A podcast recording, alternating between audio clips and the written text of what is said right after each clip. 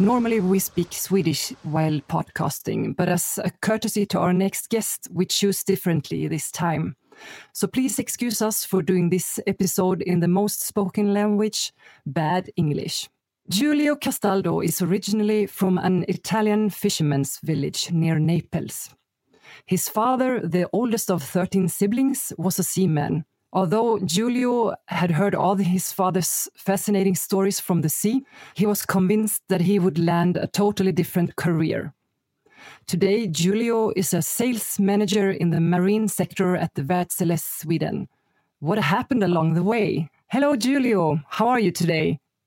Hello, Rebecca. All uh, all good today. Fantastic. Another day in paradise, we can say. You know. Hi, Giulio. Nice to hear you again. Hi, Frederick. So I take it you both have been working together at Wärtsilä. Yeah, once upon a time I was uh, employed by Wärtsilä uh, together with uh, Giulio, and at that time we were at uh, the same office in Gothenburg. Correct. Yeah, we were in Lindholm at that time. Okay, so tell us a little bit of yourself, Giulio. I'm uh, uh, well. First, uh, it's a, thanks for your introduction. Uh, I'm only 41 and uh, living 10 uh, winters, I will say, or 10 years in Sweden. Happily married, three kids, uh, full energized of my current position, and and fun, and work in a very good, fantastic environmental in the marine business when you were a teenager, uh, you went to LA, uh, where your uncle had a restaurant. Uh, how did this experience change your life? I was living in a, as a, as Rebecca introduced me, in a, coming from a little village where mostly are fishermen, crew members, or they live in the states, owner or a pizzeria, restaurant, and so on, like typical Italians. when I was 15, uh, see my friends coming from US with a nice scooter every summer and uh, uh, nice, uh, you know, Levi's jeans and uh, so on, and uh, me sometimes going working, uh, you know, to f- should focus on study. So one day I've decided, looking these people, I got to be not motivated to study anymore. So I went back to my my mom and I asked her, I said, listen, I'm wasting my time. I mean, uh, look them. I mean, they, they they barely know how to read, but bloody hell, they make so much money. What what I'm doing here? Well, she said, listen, that look your dad what is today. He's a chief engineer, and uh, you take your decision, your life, and uh, it's your life. So she said, uh, oh, we have the the the, the lucky uh, in the uh, the fortune that we had uh, one uh, my uncle in states, and uh, so she gave a call, and after one day she came back. So here is the flight ticket. you have the first flight to states. enjoy your career. So when I put the first foot in uh, in LA, I was, I mean, nice, warm, fantastic. Uh, I mean, I left winter from uh, from Italy, so go there, nice weather, uh, big car experience. Uh, you see another world, you know. My first day when I put my foot in the in the restaurants and uh, let's say looking left the school and, and I said, my uncle showed me first introduction was like you want to choose this life, sure, but think about I barely see my uh, my kids. I barely see my wife. I dedicate my life in this restaurant. So uh, you know, big restaurants, many dishes to clean uh, by hand. so it was not an easy life. Uh, it was tough, but I didn't want to give up. You know, I, I said, nah, let me. It, it was like my uh, my goal say, look at him, what he became. Uh, so and um, so I keep going. Then he put me in the in the front, uh, talk with the people. There I see my limitation. I mean, was uh, not speaking, not even uh, uh, barely speak Italian. So we were talking, uh, speaking in English was not easier. So, but he teaches, you know, by doing and stuff. The the kind of language came. And then one day I can never forget. It was after Thanksgiving. He, he look in my face and he say, "What are you doing here? Honestly, you you guys today, you are so lucky. In during my time, we were so many kids, and we had to feed the families. We won't go to school, but it was not possible.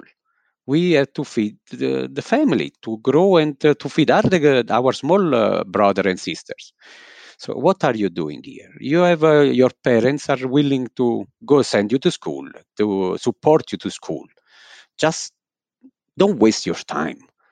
You know, and uh, my background say, okay, he took, he spoke with my mom. She is her word in his mouth, so to say, you know. and then I said, ah, nah, I will not give up. How you say? Then thinking about when you sit down and reflect and start to think about the future and stuff and uh, say no he's right. I mean what i'm doing here? I mean i have the opportunity uh, to follow my uh, some other pattern you know to go back. I have the opportunity to school. Where it gonna bring me? I don't know. But uh, just let's go back. So i call my parents. I'm coming back. My parents very happy my mom said the first day, say, what do you want to do? You want to continue with the, the electrical school? Say, nah, uh, let me change. Maybe I got bored of that one. Uh, let me change. I want to go to marine. And, you know, my dad was like, okay, good luck.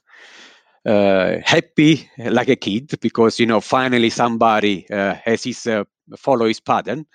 So I chose marine, marine school. And it was, uh, there is it start uh, i mean my 50 from 15 the this voyage these trips this uh, this what he came to me. He gave me the opportunity that where i am today. I mean uh, if i didn't have uh, this uh, my uncle opening up my mind i would not be here.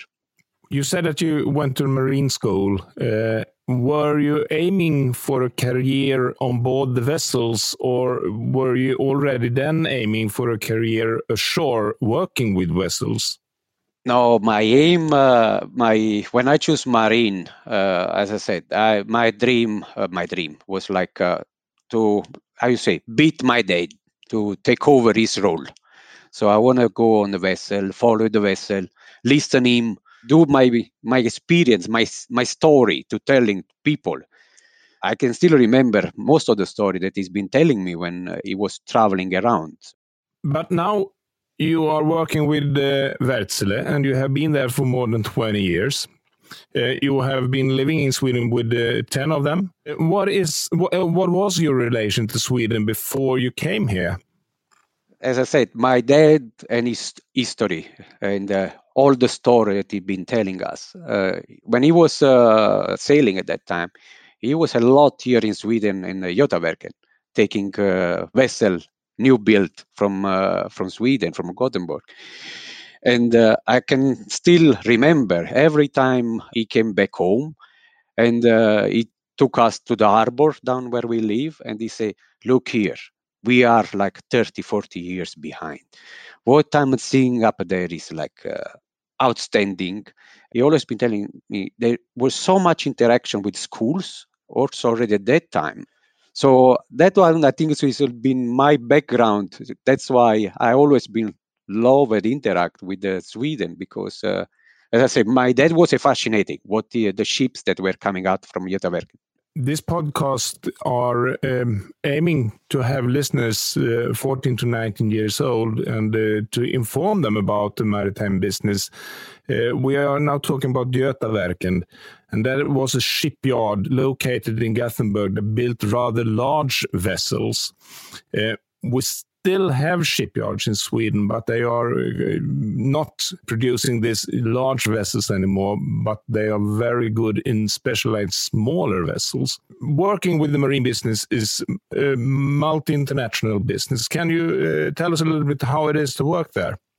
I mean, uh, working uh, in the marine is uh, is developing, and that is um, that's why also I, am happy to be here in Sweden uh, Uh, I've been uh, working a lot uh, with uh, a lot of Dunse uh, customers here, Stena, Wallenius, all around, all the other the the, the historical customer, and and the development that is going on a daily basis in the in the marine is fantastic.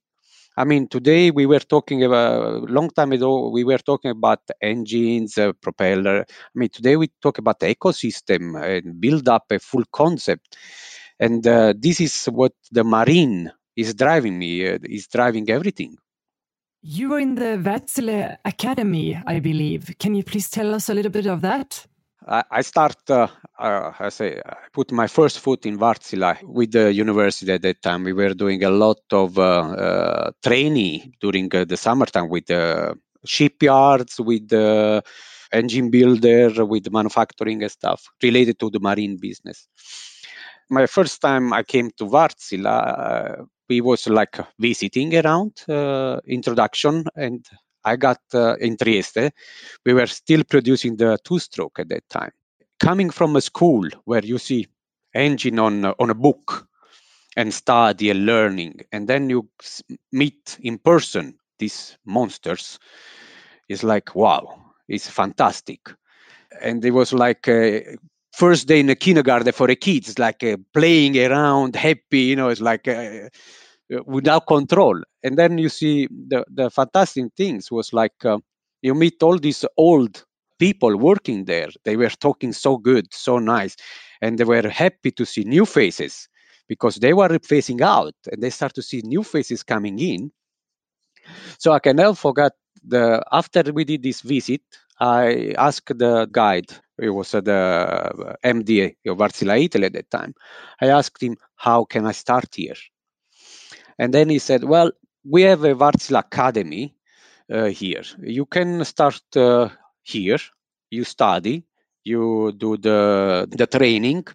Then uh, you do the production, manufacturing, test bed, everything. And then I say, where should I sign? I didn't. I mean, I was not afraid to move to LA. So even to go from south to north, I say, where should I sign? So and then I started in the Wärtsilä Academy, which uh, it was uh, a very good starting for introduce me to the marine business. But like as you said, I mean, I never been thinking to. Uh, my dream was to go on the vessel, but when you see behind what is going, is something else. Then I got more interested and fascinated. You're talking about the monsters and two-stroke. I really think that our audience need to know what this is, and uh, really, if you could describe the size of these monsters. I mean, uh, in Italy, if you want to compare to a building, take a three-floor building, and there is uh, just the stroke of the pistons. And we really need to explain that we are discussing ship engines now. Yes, it's a ship engine. Correct. It's a, there is a ship engine. It's like put this, uh, three apartments over each other, and uh, you put on one vessel to move the vessel.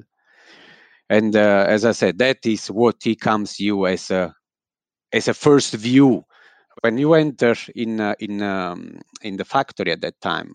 We had uh, like only one floor and uh, over the first apartment, and you say, "Huh, okay." But then the guys, this is only one floor. We have to put three floors together to build the, the engines. Giulio, could you please uh, tell us a little bit of uh, what do you do as a sales manager? My work as a sales manager, I mean, today I'm the, uh, I will say, I am the filter, the voice of the customers in the Wärtsilä organization. My work is to sit, work with the customer, listen the customer, learn from the customer, a catch opportunity, idea, and make uh, many times there is a lot of ideas. And uh, my big work is like take this vision idea and share inside our uh, networking inside the organization and make this idea something real and that is my main job interact and listen and learn from the customer what kind of company is Wärtsilä for for the listeners who don't have? Uh, I mean, we can't assume that everyone knows what you do as a company. I mean, Wärtsilä. Let's say during my career when I start, we have uh, changed the way that uh, we are. We were presented into the world, just an engine manufacturing. Today, uh, Wärtsilä became a solution manufacturing. We are developing uh, and we are on daily uh, based looking what should be the future and what should be the healthy future, the save a green. So today we are not uh, focusing only on engines, but we are looking the full ecosystem, how to make a safe and nice and a healthy place for everyone. And uh, that is also give the the chance to. We have a lot of uh, interaction with the school, university stuff because there is a lot of ideas, and we work a lot with the Chalmers and uh, Finnish and Italian university. Now you have been with Wärtsilä for a little bit more than 20 years. Um, how do you build a career within Wärtsilä? I would say the, the main point is uh, to listen. During my own career, I, have been lucky to have a lot of mentors, old, that took time. Uh, and also, I mean, was also myself very interested, uh, fascinated. So my, um, I built my career by not rushing, just keeping step by step, listening, learning. And when I felt the that was like uh, I want something extra to learn, you just talk with your managers. You talk with uh, inside the company where you would like to be. Can you think of the most rewarding moments uh, during your time at Wärtsilä? I remember the first day in Wärtsilä when I put my first foot in Wärtsilä. I remember the first day uh, that we start uh, the first engines. I remember the first time that Wärtsilä, I've been uh, five years down in uh, in Saudi in uh, Africa, we opened up in power plants that time. And I even remember the first power plant when I went there from my drawings that we should make the full power from concrete to the engine delivery and keep running. And I still remember that as uh, one of the best experience in my life to see something that uh, in beginning I was not even think that could be possible. It's important for us to to show that the marine market or maritime market is an international business and a global market, and uh, and you're really a proof of that.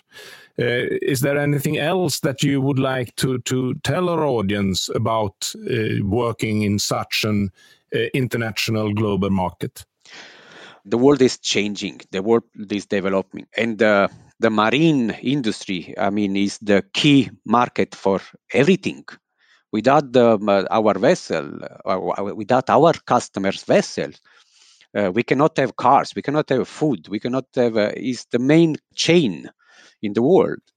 Uh, for our younger listeners now who are maybe hopefully considering a future career in this area what, what would you like to say to them first of all take your time don't rush listen uh, older maybe uh, can sound boring you know but uh, sometimes it's nice to just uh, sit down listen build your own uh, pattern your own life and um, everybody makes mistakes, but uh, in marine you can never make a mistakes. Choose the career is good.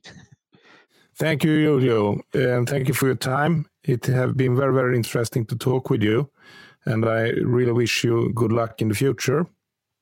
Yeah, thank you very, very much. Thank you all. Thank you for the opportunity. And uh, if uh, anyone of the audience would like to have opportunity here to listen at Wärtsilä, they are always welcome to contact Thank you very much.